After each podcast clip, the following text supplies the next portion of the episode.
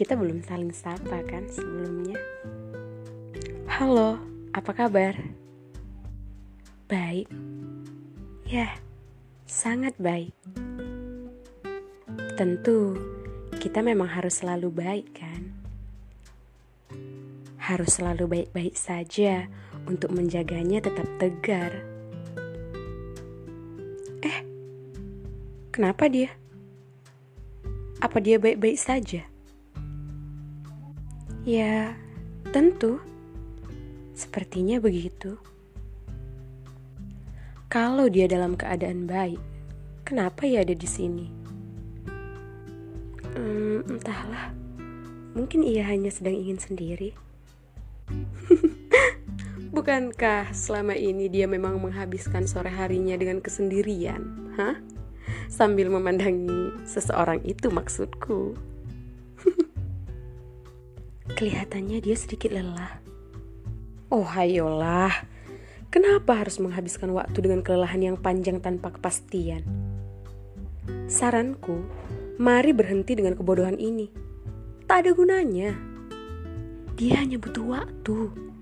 Tak ada yang semudah membalikkan telapak tangan, kau tahu persis itu. Ya, hanya saja ini seperti kekonyolan yang tak berujung. Dan bagaimana ia bisa membuang-buang waktu hanya untuk itu, hah? Shh, diamlah.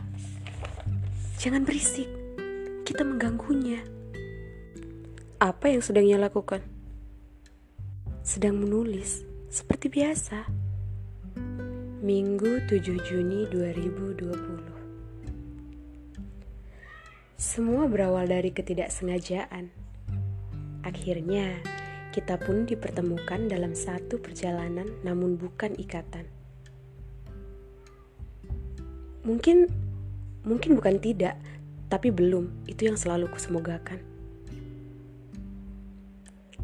Kala itu sebelum surya berlalu, meninggalkan jalanan yang berdebu.